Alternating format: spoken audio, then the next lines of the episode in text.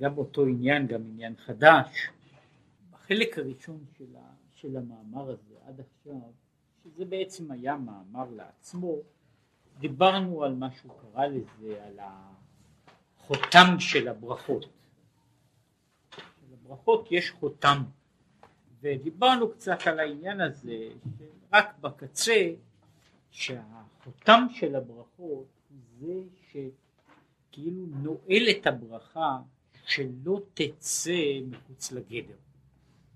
משום שברכה היא נתינה, השפעה אה, ללא גבול, ולכן היא זקוקה לחותם שינעל אותה, שיצמצם אותה בתור גבול מסוים, זה מה שהוא קורא לזה שחותמים בברור.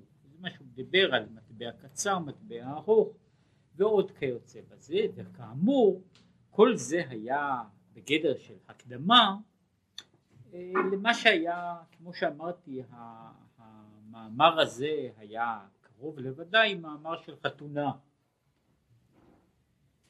כך שהוא עכשיו מגיע לברכות הנישואין. כן? ופה יש המשך ולא המשך לעניין הזה. ועתה נבוא לביאור עניין שתי ברכות ראשונות של נישואין. עכשיו שתי הברכות הראשונות הן, אנחנו בדף סליחה, בדף ו' עמוד ב' 12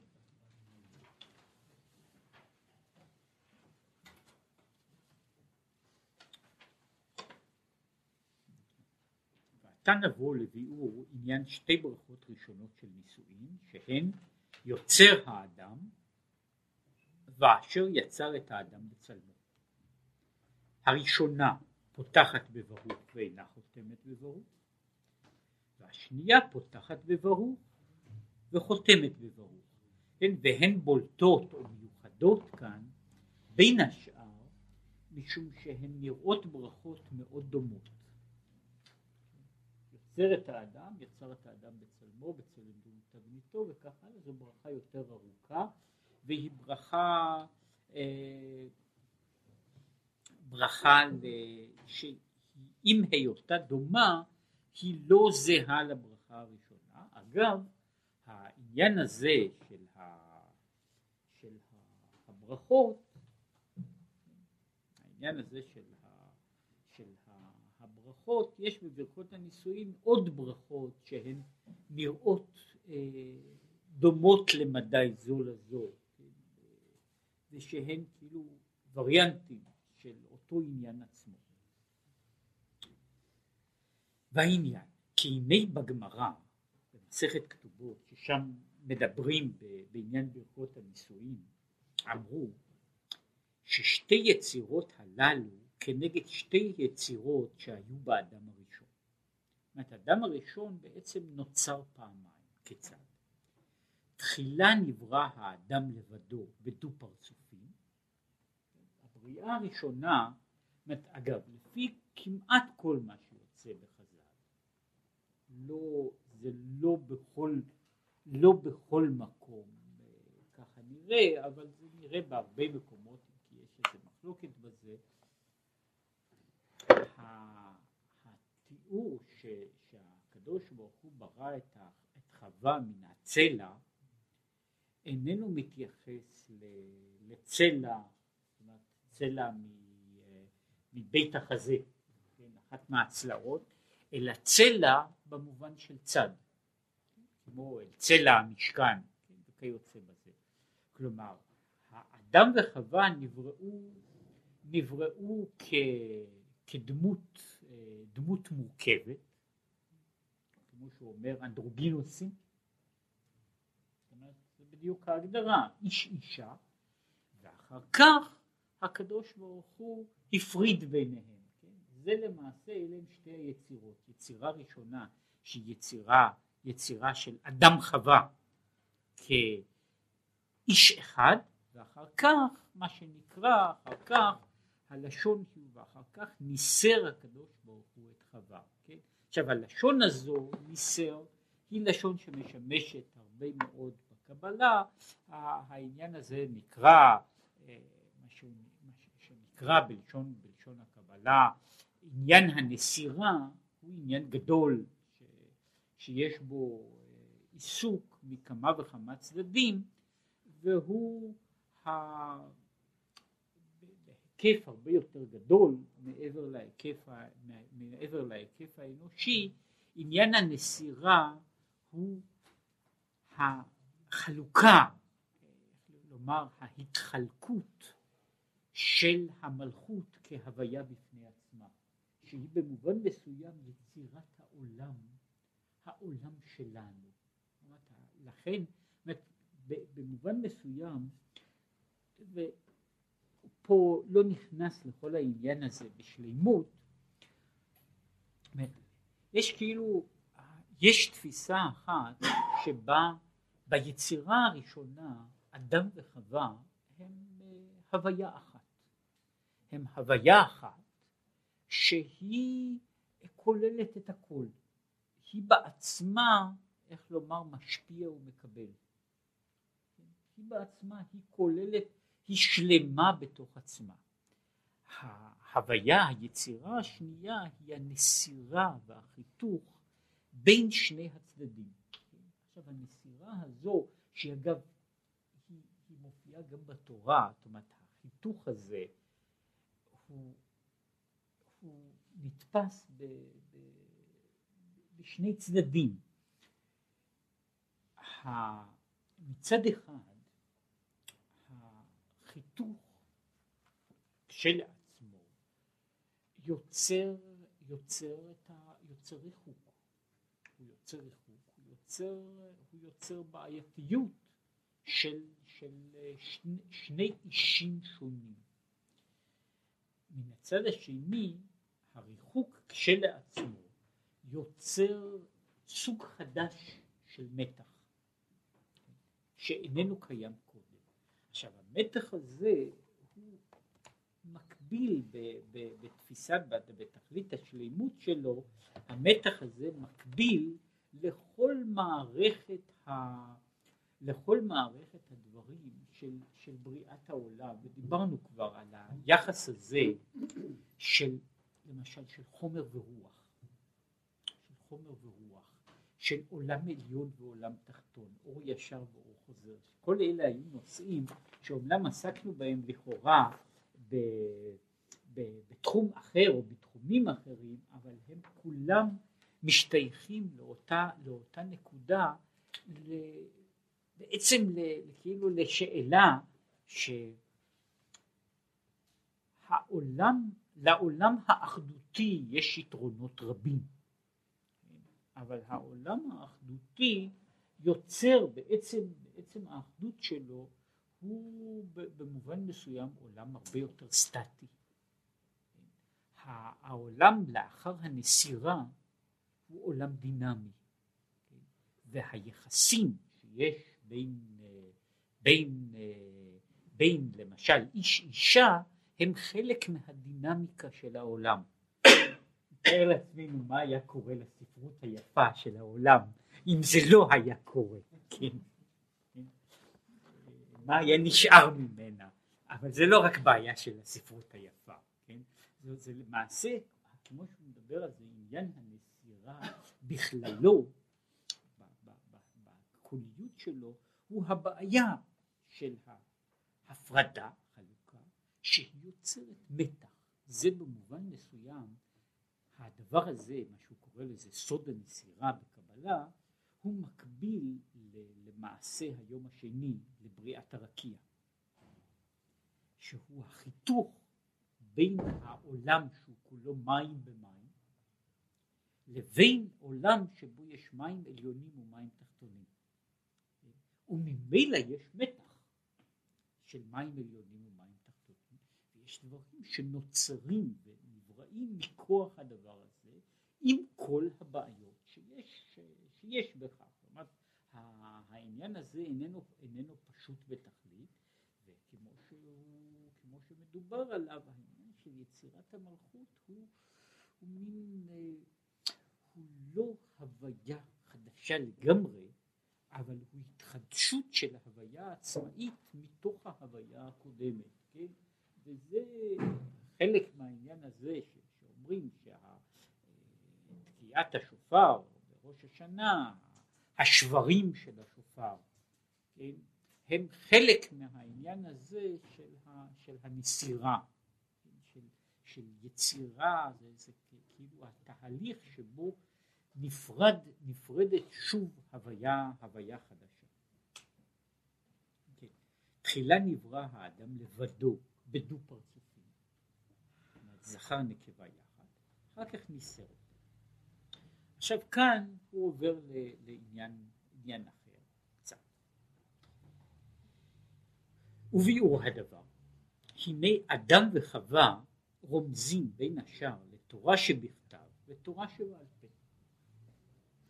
פה. תורה שבכתב בחינת אדם, בחינת טיפת הזכר, לובן שממנו עצמות. כי תורה שבכתב היא בעצם בחינת חוכמה עילאה, שאינה אלא בחינת טיפה ונקודה, שהחוכמה היא בעצם כהגדרתה האנושית בחינת ברק המבריק במוחו, שעדיין לא באה לידי אורך ורוחב ההשגה להס... להבין ולהשיג כל דרכי החוכמה בכלל ובפרט.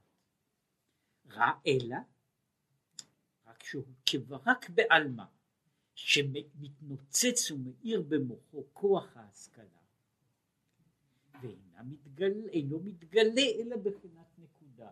כן, כל, כל התיאורים הללו שחוזרים כמה פעמים, הברק המבריק של ההשגה, הברק המבריק של ההבנה הראשונה, שאיננו מתפרט ואיננו בעצם מובן, כן?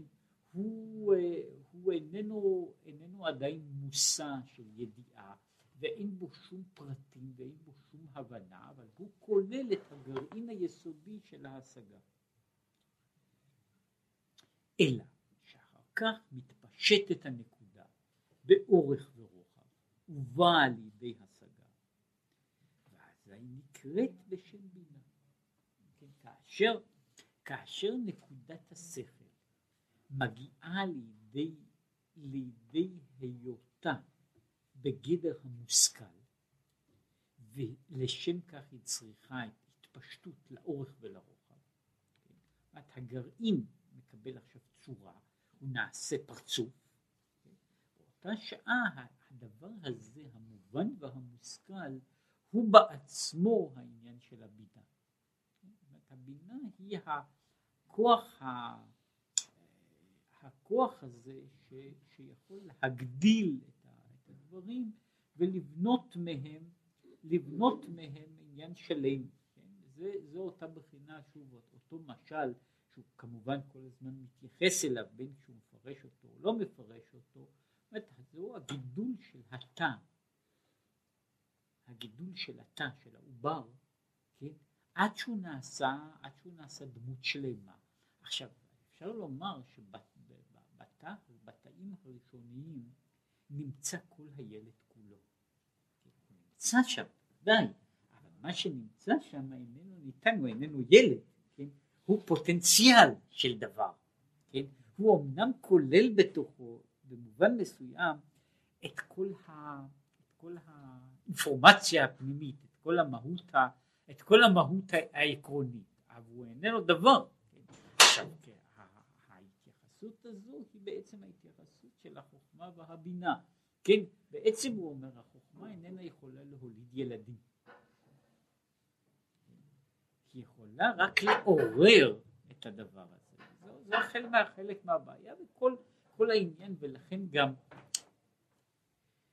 בכל הדיונים האלה וכיוצא באלה הם משתקפים אחר כך למשל בתוך הדיונים שמופיעים אצל, גם אצל חז"ל ואחרים על היחס למשל בין חכם ונבון. בהרבה מקומות בחז"ל הם אומרים שנבון הוא יותר מאשר חכם. חכם הוא זה שמבין דבר, נבון הוא זה שמבין דבר מתוך דבר. אבל ביסודו של דבר הוא מסביר הרי שעיקרה של הבינה הוא להבין דבר מתוך דבר.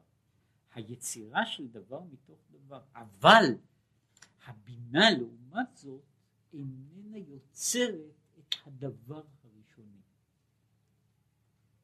היא, היא עושה, היא מבינה דבר מתוך דבר. מכוח זה יש בה יתרון על החוכמה שהיא במובן מסוים היא פסיבית. היא פסיבית הרבה יותר, זאת אומרת כאן מופיע כאילו הצד של היפוך של הפסיבי והאקטיבי, בעצם הוא אומר החוכמה היא בעצם כוח פסיבי. הבינה היא הכוח האקטיבי, היא השכל הפועל בעצם, לא ה... לא, ב, ב, זה בערך, אף על פי שיש לזה בדרך הטבע גם יוצאים מן הכלל.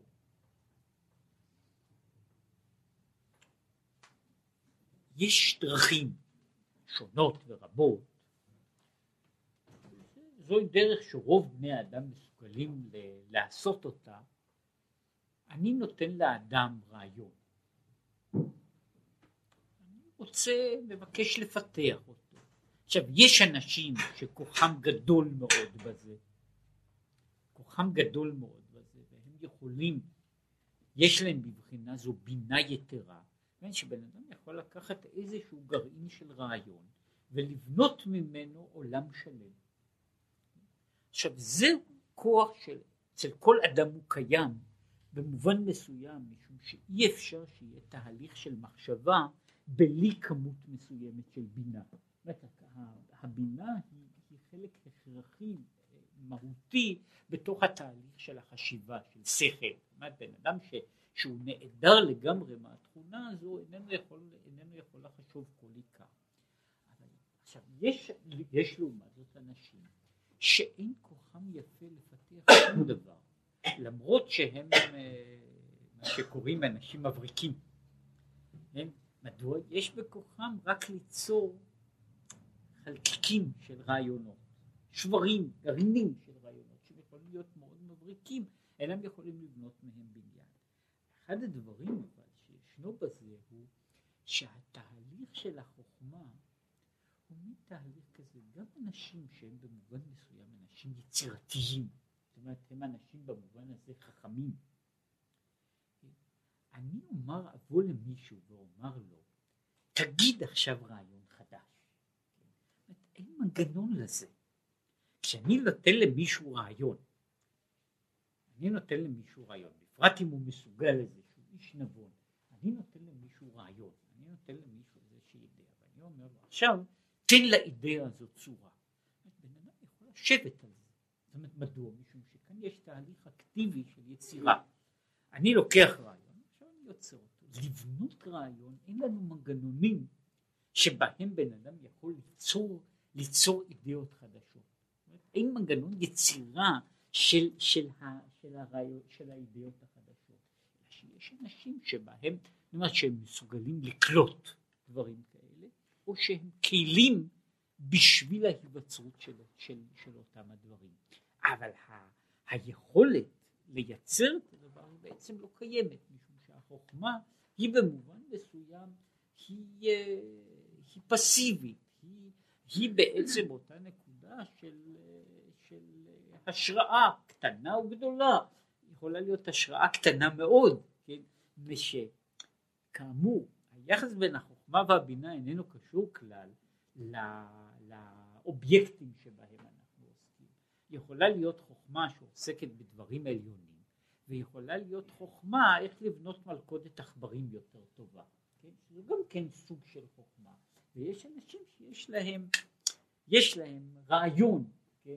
לעשות את הדברים הללו, ויש אנשים שלעולם לא יעשו, אף על פי שכידוע, שוב, כל העולם מלא בזה, שמסתכלים בכל תחום של ההיסטוריה האנושית בין ב, ב, בדברים הללו, בין אה, שני הסוגים הללו של החכם והנבון, וכאמור הנבון, הנבון למרות שהוא מצד אחד צריך לקבל אידאות, צריך לקבל אידאות, מן הצד השני היכולת שלו היא לעשות מניפולציות, מניפולציה באידאות האלה. לעומת זאת החכם איננו יכול לעשות אלא במידה מסוימת הוא יכול להיות דומם. הוא צריך להיות באיזושהי מידה, רק לא לקלקל את האפשרות שלו לקלוט. לא לקלקל את האפשרות שלו לקלוט, משום שכאן מופיע גם כמובן האלמנט האחר, שהוא בלי ספק קשור לזה, שהוא קשור גם להתייחסות האנושית של חכם נבון. לפעמים אדם הוא כל כך יוצר, זאת אומרת הוא כל כך, הוא כל כך עושה, כל כך יוצר, שאין לו זמן בכלל ואין לו פנאי שייכנס איזה רעיון למוחו. זאת אומרת הוא כל כך עושה וכל כך מפתח דברים שאין לו זמן ש, שיבוא, ש, שיבוא רעיון חדש. וקורה שיש בן אדם ש, שנשאר עם שניים או שלושה גרגירי רעיונות שהם היו אצלו בשחר ילדותו ולא עשה אלא כדי לפתח אותם. אגב, אחת הבעיות, נאמר כך, זה ידוע שלמשל בין אנשי המדע, אני חושב שפיזיקאים יוצאים מתחום, יוצאים במובן מסוים מן המקצוע בערך באותו גיל של כדורגלנים. זאת אומרת, אה, בגיל אה, מאוד מוקדם, כן, האנשים עושים הכל, אבל את רוב העבודות כל הר... את הרעיונות הגדולים, הם בדרך כלל יצרו בשנותיהם, בשנותיהם הראשונות, כן? וכל השאר הוא בגדר של ואידך זיל גמור. יש לזה דוגמאות, או דוגמאות לרוב, במובן מסוים ניוטון היה דוגמה ראשונה של תהליך כזה, כן, אני לא יודע אם היה לו באיזשהו רעיון מקורי חדש מאז הוא הגיע לגיל 23, כן, אבל זה, זאת אומרת זה קשור, קשור בין השאר לא, לאותה התייחסות שבן אדם יכול לפעמים לבנות חיים שלמים, גדולים, ארוכים, ולבנות בניינים חשובים מאוד על סמך כמה רעיונות גדולים שהוא היה, הייתה לו יכולת ליצור אותם, ופעמים שהוא איננו יוצר חדשים מפני שהוא כל כך עסוק בפיתוח, בעבודה האקטיבית של, ה, של, ה, של היצירה, מה שקוראים ב, ב, ב, בלשון ההלכתית, היידה דתריד למפלט לא בלע, כן? אבל זו, זו בעיה, בעיה לעצמה, אני רק אומר שפה יש היחס הזה של, של חוכמה בינה הוא יחס אה, בסיסי גם בתחום האנושי, גם בתחום של המחשבה, וכמו שהוא אומר, הוא גם בעצם היחס שיש בין תורה שבכתב לתורה שבעל פה. תורה שבכתב היא החוכמה, תורה שבעל פה היא הבינה.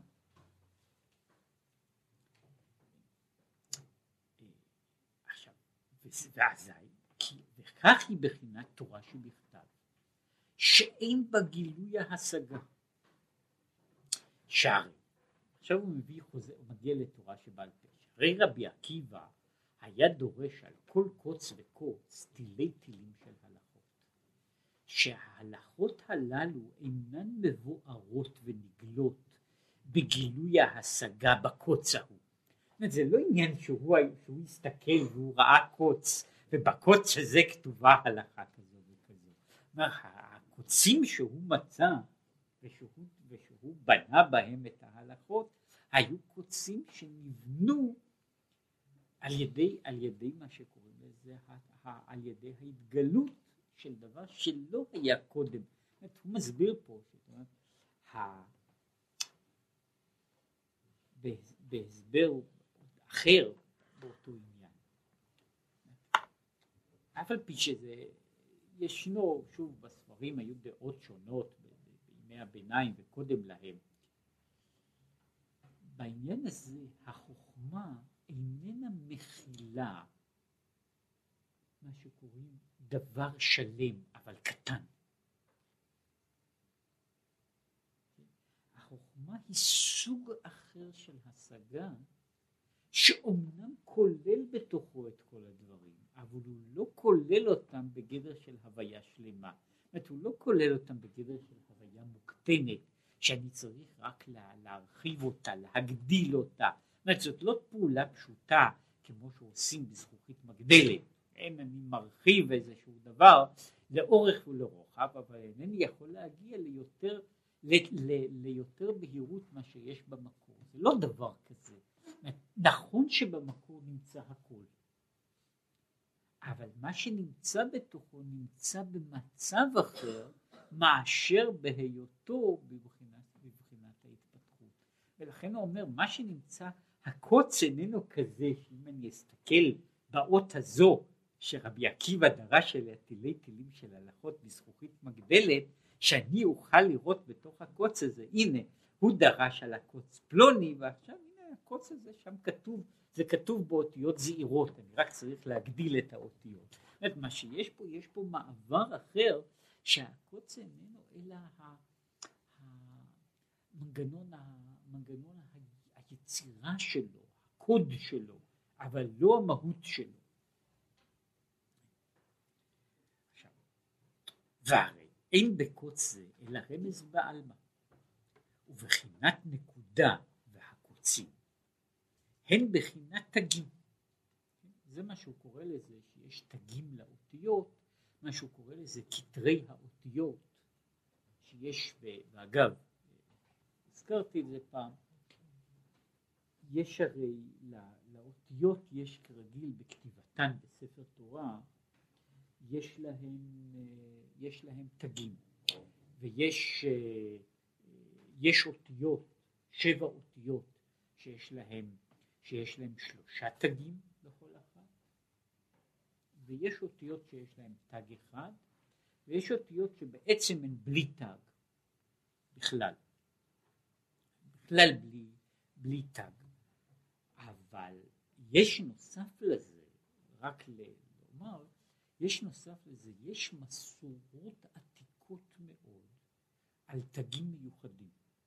כן? ויש כמה ספרים, ספר אחד שנקרא ספר תגים, ספר קטן אבל עתיק מאוד, וזה גם חלק ממסורת עתיקה, שיש למשל אותיות מסוימות בתורה שהתיוק שלהן איננו זהה לתיוג המקובל.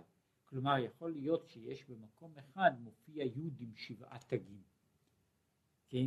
או אותיות אחרות, עכשיו אלה הן מסורות, מסורות שהן חלק ממה שהוא קורא לזה מתגי האותיות, שעליהן נאמר, כן, שמשה רבינו בא וראה וראה שהוא עלה למרום, הוא ראה שהקדוש ברוך הוא קושר כתרים לאותיות והוא שאל מה זה, כן, אומר למה הטרחה הזו לשים להם תגים, אז הוא אומר עוד יהיה איש אחד בדורות הבאים רבי עקיבא והוא יבין את הדברים הללו למה יש לאותיות תגים. עכשיו הוא אומר התג בעצמו הוא רק, הוא רק אה, רמז של דבר איננו דבר שלם. עכשיו וכן על דרך זה בכל בחינת טעמים נקודות תגים אותיות. שהן נקראות הבחינות הללו הן בעצם ארבע, ארבע הבחינות של, ה, של כאילו של הכתב של התורה. יש הדבר הראשון נאמר הדבר הבסיסי ביותר ובמובן מסוים גם הנמוך ביותר הוא האות מעל לאות יש התג שהוא כתוב בספר, הוא כתוב בספר והוא חלק מן האות, אף על פי שבלעדיו הספר הוא גם כן ספר והאותיות. מעל האות, לתגים יש נקודות, הנקודות כבר אינן כתובות בספר, אבל הן במובן אחד הן חלק מה, מהדרך שבה, שבה הספר צריך להיקרא. עכשיו מעבר לזה יש הטעמים שבחלקם ורק בחלקם הם בעלי איזושהי משמעות, משמעות דקדוקית, כן? ובחלקם הם אה, כאילו א' ב' חדש.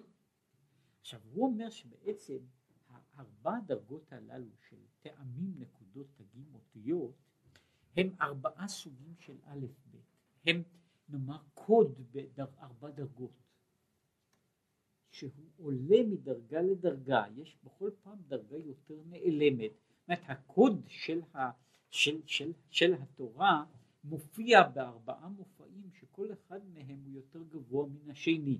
כן, יש אה, אחד שהוא יותר גלוי וככה יותר נעלם ויותר נעלם. זאת אומרת שבאותה, כאילו במשמעות שאני קורא מצד אחד, קורא מצד אחד, אבל בעצם, בעצם יש דבר שנמצא, שנמצא מעבר לזה ושוב מעבר לזה ושוב מעבר לזה באותם הדרגות.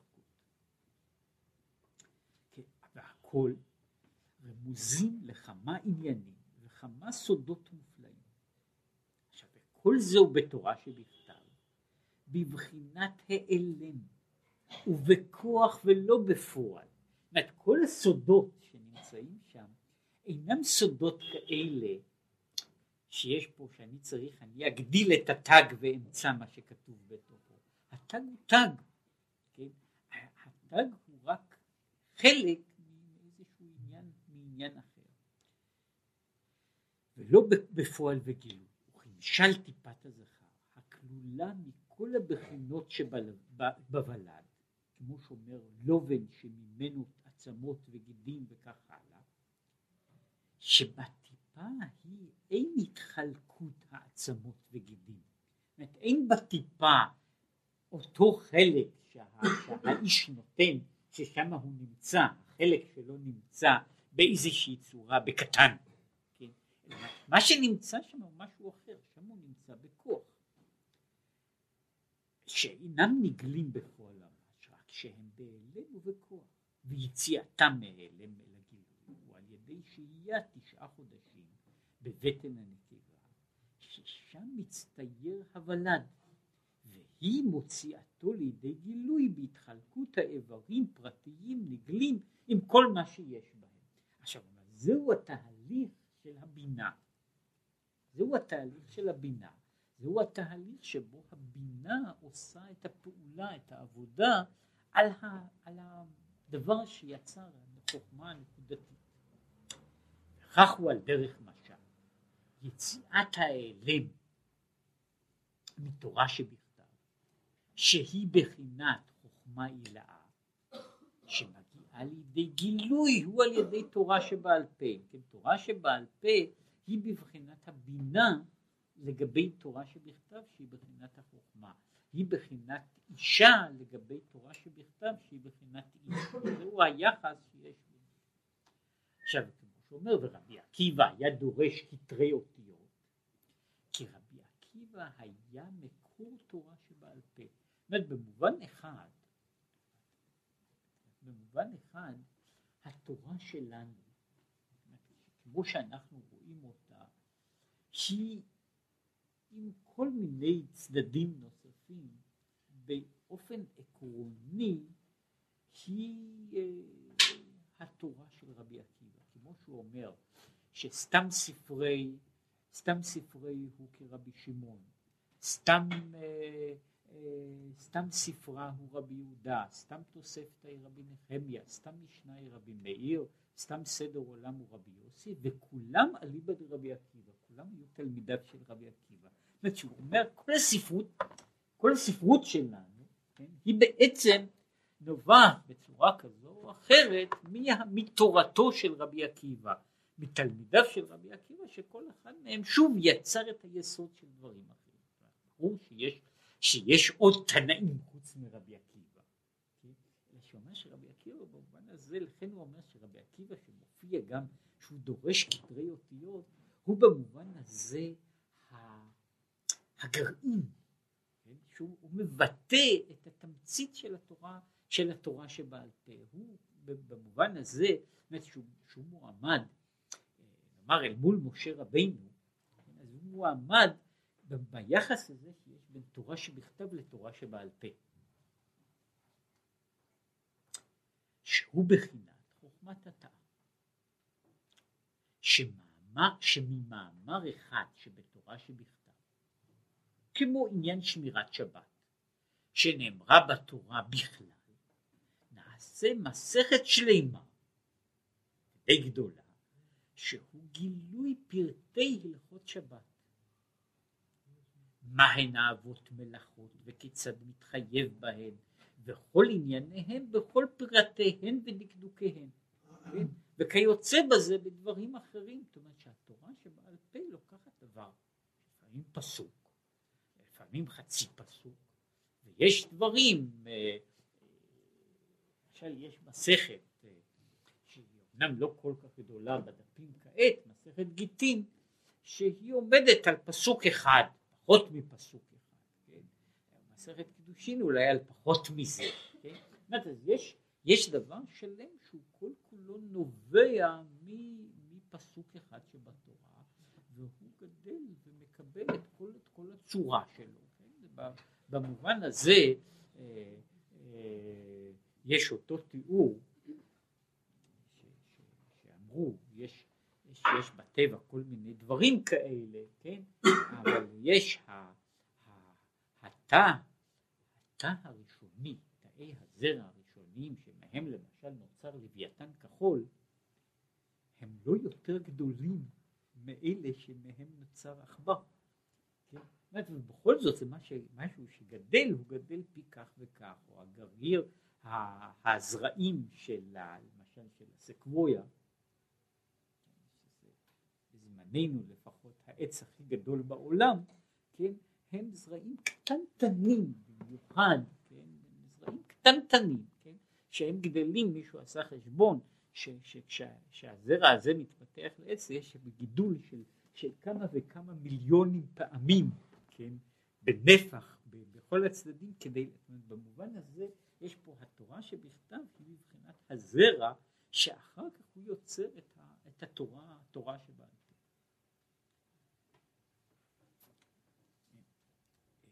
ולכן נקראת תורה שבעל פה בשם חווה.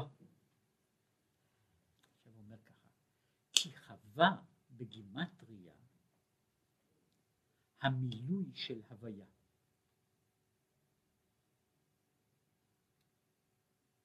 שהוא עולה י"ט, כן? זאת אומרת יש, ב, אה, יש מילוי של, של כי המילוי אה, המילוי עכשיו יש אה, מה שהוא קורא לזה זה לא שייך לכל המילויים כן אבל זה מילוי אחד כן זה המילוי של שם מה כן? זאת אומרת יש שם יש שם שה, שהשם הוויה שנכתב במה שנקרא מילוי כן? שהגימטריה שלו היא בסך הכל 45, 45, שהוא כותבים אותו ה' א', י' ו' ד', ו' א' ו', ה' א', זהו מה שנקרא לזה שם מה, מילוי, המילוי הראשון. עכשיו בתוך המילוי הזה, בתוך המילוי הזה יש שני, יש האותיות הראשונות שהן בגימטריה 26 והאותיות של המילוי שיוצרות כל אות נכתבת והן לכן 19 כן? וזהו חווה כן? ככה כי המילוי בכלל הוא גילוי ההיעלם כמו שנתבהר במקום אחר. זאת אומרת כל העניין הזה שמדברים על שם במילואו פירושו יש שם בכתיבתו שהוא בעצם כאילו רק ראשי תיבות ויש לשם יש מילוי ואגב יש חוץ מזה שיש כמה וכמה מילויים יש גם מילוי דמילוי. אומרת שאפשר לכתוב את, שוב את, ה, את האותיות הללו של המילוי הן נכתבות שוב במילוי שלהן. וכך תאורטית יכול להיות מילוי נוסף שהוא בעצם אותו עניין של התורה שבעל פה שהיא יכולה, ליצור מילוי על, מילוי. אה, רק לדוגמה, לדוגמה קטנה, זו לא דוגמה שלמה של מילוי במילוי, אני חושב שיש בפירוש ספר אחד שנקרא קרני ראם. אפילו משער שלספר הזה, נדמה לי שלספר הזה יש גם פירוש. אם יש לו פירוש אז הוא יהיה דבר בדיוק בנקודה הזו, שהספר קרני ראם על כל פנים הוא פירוש לספר של רבי אליהו מזרחי, ספר חשוב מאוד, אבל כל כולו הוא פירוש על פירוש רש"י לתורה. כן? זאת אומרת, יש ספר כזה שהוא פירוש של פירוש לפירוש. כן? עכשיו, יש דבר כזה, זה מין מילוי דמילוי כזה, כן? שהוא מפתח את הדברים, שוב דרגה כאילו דרגה מעל לדרגה. עכשיו, וגם חווה בעצמה היא לשון גילוי, בלי הגימטריה, כי תרגום ויגד וחווה. מה שמשתמשים גם בעברית בשורש הזה של, של חווה במובן של אה, מחווה, מחווה, כן, שהוא להראות. והגדה הוא לשון המשכה, שנמשך מהאלם אל הגילוי. וזה שכתוב, ויקרא האדם שם אשתו חווה, כי היא הייתה אם כל חי.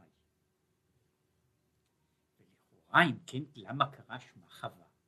היה לו לקרוא שמה חיה, כן, שזה, זו שאלה שאני חושב שגם הקטנים שבילדים שואלים אם, אם הם מגיעים לפסוק לפי שחווה לשון גילוי. וזהו כי היא הייתה אם כל חי. זאת אומרת, הוא אומר שבמובן הזה היא כל התולדות נולדות אחר כך. פירוש ולכך הוציאתם מהאלם אל הגילוי, כמו אם הבנים שהוולד והיא מוציאתו מהאלם. אם כן, זהו העניין של התפקיד והמהות של חווה. אני רק רוצה לקרוא עוד את הקטע הבא, וזהו, עכשיו פה אנחנו שוב ניגשים גם לאותו דבר, גם לעניין אחר. יום ליום יביע עומר, ולילה ללילה יחווה דעת. יום ליום, בחינת תורה שבכתב, יביע עומר. אני שאומר ככה, תורה שבכתב נקראת יום, לעומת תורה שבעל פה שנקראת לילה. תורה שבכתב היא האור, התורה שבעל פה היא, ה, היא החשיכה. עכשיו האור מאיר וכאילו יוצר צורות בתוך החושך. כן, עכשיו יביע עומר, עומר הוא ראשי תיבות אש מים רוח. ובבחינת תורה שבכתב יביע כמעיין הנובע ממקורו. במובן של נביאה יביע אומר מעיין הנובע ממקורו שהוא עדיין דבוק במקורו ומתאחד עמו. לפי שתורה שבכתב בעצמה היא בחינת חוכמה עילה ושם שורה ומתגלה אור אינסוף הוויה בחוכמה כמו שכתוב, השם בחוכמה יסד ארץ, השם בחוכמה. ולכן שם יביע כמעיין הנובע, שנובע מן המקור, ואינו הולך ומתפשט באורך ורוחב, רק נביאו דחוכמתה בלבד, שהיא בחינת נקודה וברק המבריק. ולכן לבינה, אחד השמות כמו שאפשר לראות את זה בשיר היפה הזה ש... של רבי שמעון לביא, אה, שיר על בר יוחאי, ששם הוא משתמש בהרבה מאוד, השיר בנוי לפי הסדר של, עשר ספירות, מלמעלה למטה. אה, ואחר כך יש הנהר שיש לו את האורך והרוחב בכל, בכל ההיקף שלו.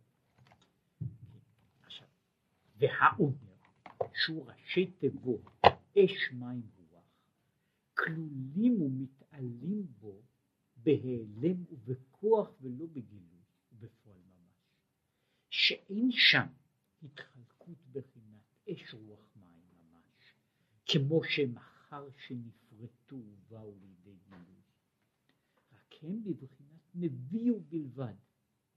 כי התקללות המעיין הנובע ממקורו הוא מתאחד ונכלל במקורו. הוא אין סוף ברוך הוא, הוויה בחוכמה. כן, יש פה תורה שבכתב, שהתורה שבכתב היא הדבר האלוקי, והדבר האלוקי הוא עדיין קשור, מה שאומר, מה שאמרתי לגבי היחס של הפסיבי והאקטיבי. מה אני יכול לעשות עם התורה שבכתב? עצם אני יכול להיות דומם. אני יכול להיות לגבי התורה שבכתב, אני רק מקבל. אני מקבל. אני אינני עושה אותה. ההתייחסות שלי אל התורה שבעל פה היא שונה במהות. התורה שבעל פה היא כל כולה תהליך של יצירה, של הוויה, של עשייה. כן? יש פה היחסים הללו של תורה שבכתב היא הדבר שאני מקבל. תורה שבעל פה היא הדבר שעל סמך מה שקיבלתי אני עכשיו, אני עכשיו מגדל ומפתח את הדבר. ואדרבה, במובן מסוים, כשם שאם אני מוסיף, מוחק, קוטע, או עושה איזה דבר בתורה שבכתב, אני עושה בפגם. לגבי התורה שבעל פה, ככל שאני מוסיף בה, מפתח אותה, משכלל אותה, אז אני מוסיף, כן? אני יוצר בה תוספת, יצירה יתרה, הוויה יתרה שבדרגה גבוהה יותר. עכשיו, לילה ללילה, בחינת תורה שבעל פה, הוא יחווה דעת בבחינת גילוי, לבאר ולפרט פרטי התחלקות ההתהוות כמו שהם בסדר ההשתלשלות ומדרגות רבות ועצומות. כן, זהו הלילה, ועכשיו מדבר, הרי זה הקשר גם, לא רק עם, עם היביע אומר ויחווה, אלא גם עם היביע ויחווה והקשר אל חווה. כן? יש, יש, הוא גם מדבר פה על היחס שיש בין העומר והדעת. כן, העומר אפילו כמשמעו. יום ליום מביע את המאמר, אומר. כן? את הדעת, את ההבנה, את ההשגה, זוהי מדרגה אחרת. זוהי מדרגה אחרת. עכשיו, משהו, מה שאמרתי פה על היחס הזה, מדוע מופיע היחס הזה של, של היום והלילה? הוא מופיע פה ויש לו הרבה דברים, הוא קשור אפילו לדבר, כמו שאומרים במחשכים ושיבני, זה תלמוד בבלי. כן? שהוא קשור באופן פנימי גם לעניין הזה של לילה ללילה יחווה דעת, כן? אבל הוא בנוי גם במובן אחד, יש כאילו הזמן של הקליטה והזמן של היצירה.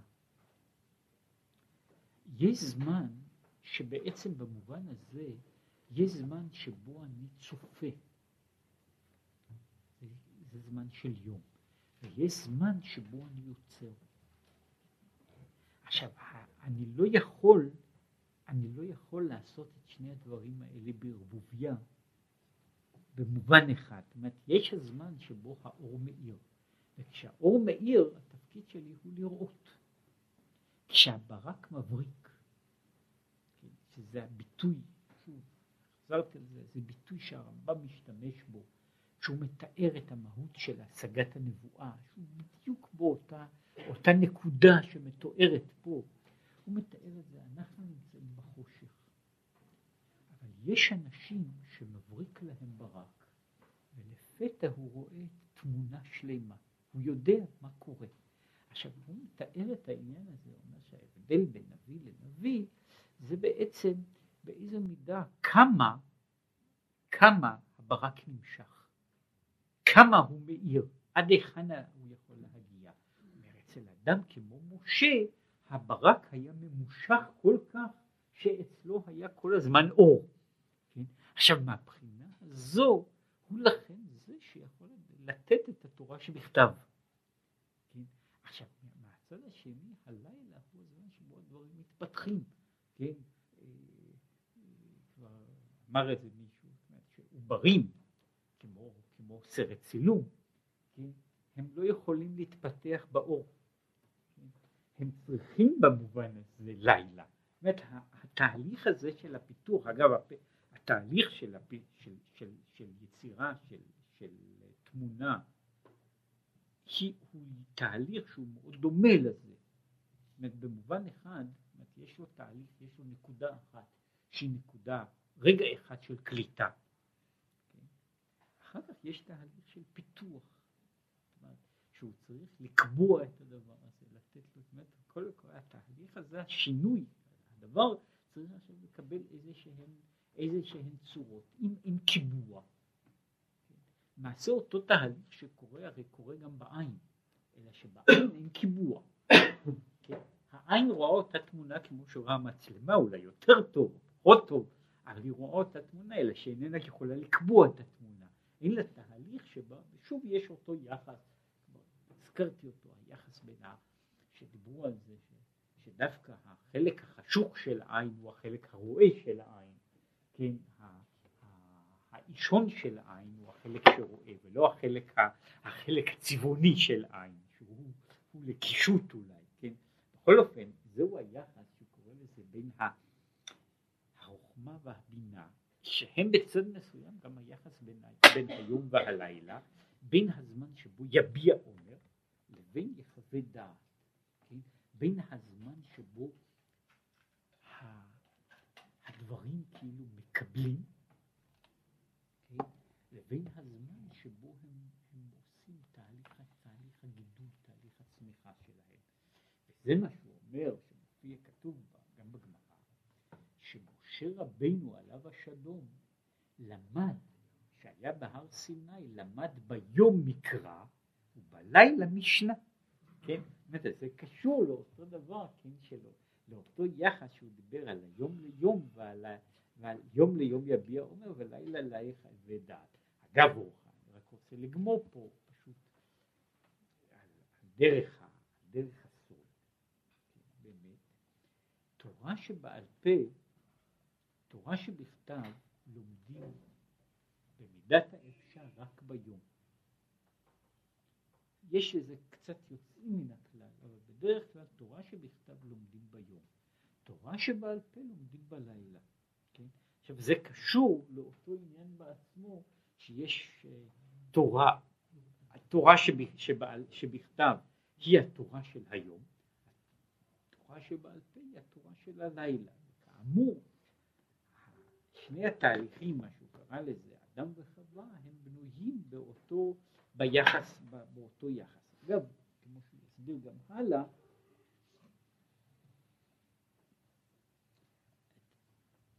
בזמן שהתהליך, וזה, זו אחת השאלות שאין להן, אה, אה, שאין להן בעניין הזה פתרון, זאת אומרת, הן לא, לא מגיעות לידי פתרון ב...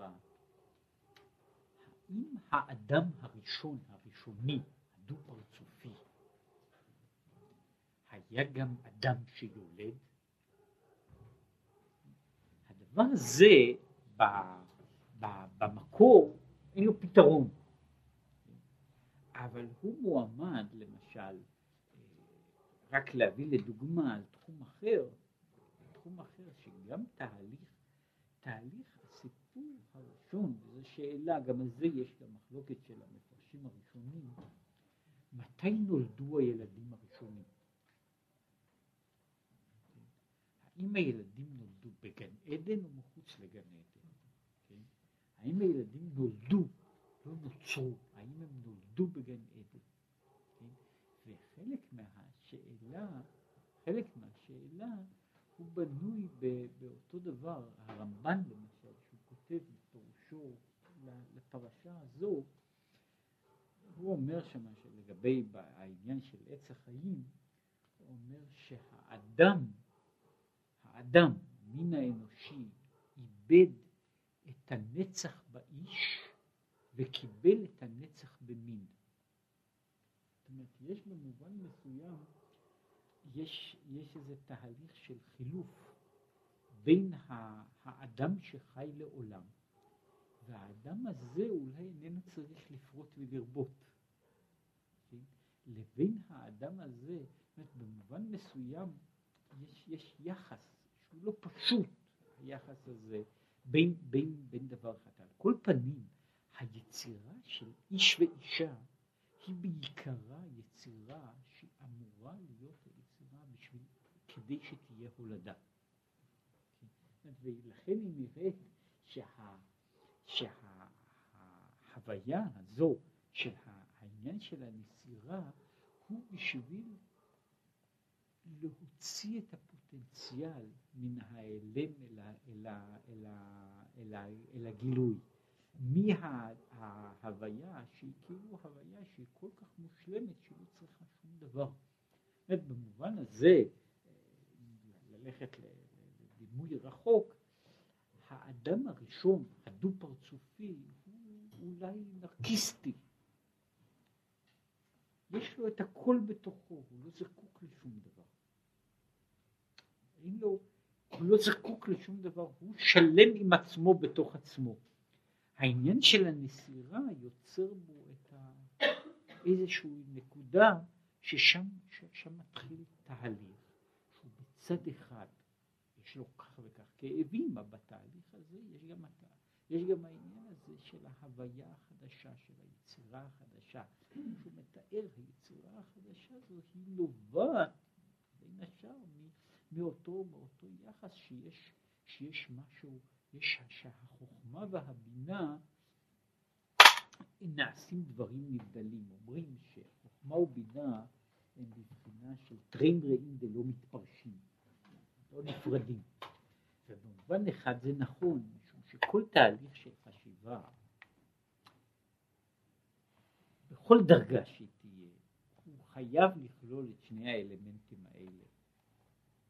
חייב לכלול אותם, והוא איננו יכול אומרת, בניתוח יותר מדוקדק אני יכול לומר שהוא כולל את שני האלמנטים הללו. אבל זה ברור ששני התהליכים, שני התהליכים בהגדרה הרחבה שלהם הם תהליכים שהם במובן מסוים אקסקלוסיביים. הם אינם יכולים להיות בשלמות ביחד. כאשר דברים באים בשלב של, של, של של, של יצירה חדשה, אין אז זמן לשבת ולפתח אותה. ולהפך, כאשר אני יושב ועוסק בתהליך של הפיתוח, הדברים חדשים, רעיונות חדשים, הם לא מסייעים באותו דבר.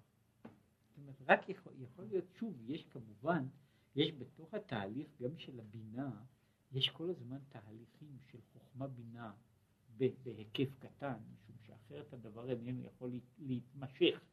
אבל בסופו של דבר שני התהליכים האלה הם דורשים איזושהי הפרדה. זאת אומרת העניין הזה של ההפרדה מראייה ראשונה, מהאור והחושך, מים עליונים, מים תחתונים, כן, עד אדם וחווה, היא בעצם אותו תהליך שהוא יצירה של עולם.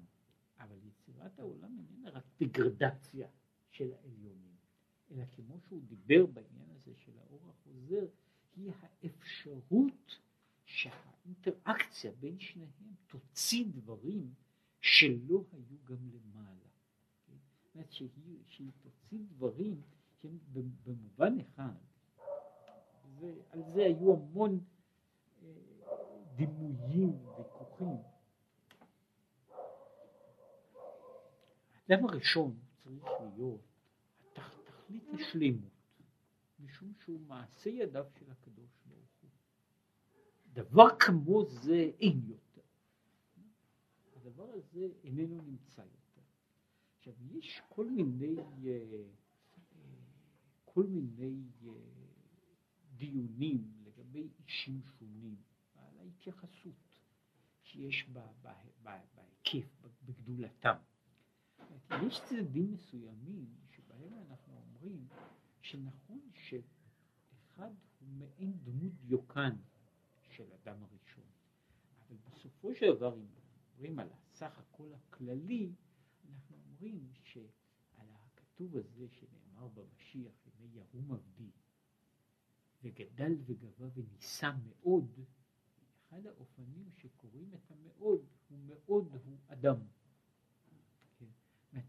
משיח הוא למעלה מדרגתו של אדם הראשון. כלומר, כל התהליך הזה, שהוא התהליך של תהליך היצירה, תהליך ההיפרדות, תהליך הקריאה, הוא בסוף יכול להביא, וזה בדיוק מה שהוא אומר שהיא מטרתו של העולם, מטרתו של העולם היא לעשות שהתוצאה התולדה תהיה גבוהה יותר מן המקור.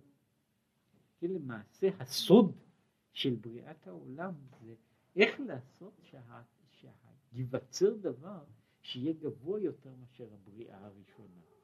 זה בעצם, ה, בעצם הנקודה של, ה, של, של יצירת העולם, ומבחינה זו, נקודת החיתוך הזו היא יוצרת דברים שאינם נמצאים כאילו במקור הראשון, יוצרת אותם, מעלה אותם לדרגות יותר גבוהות.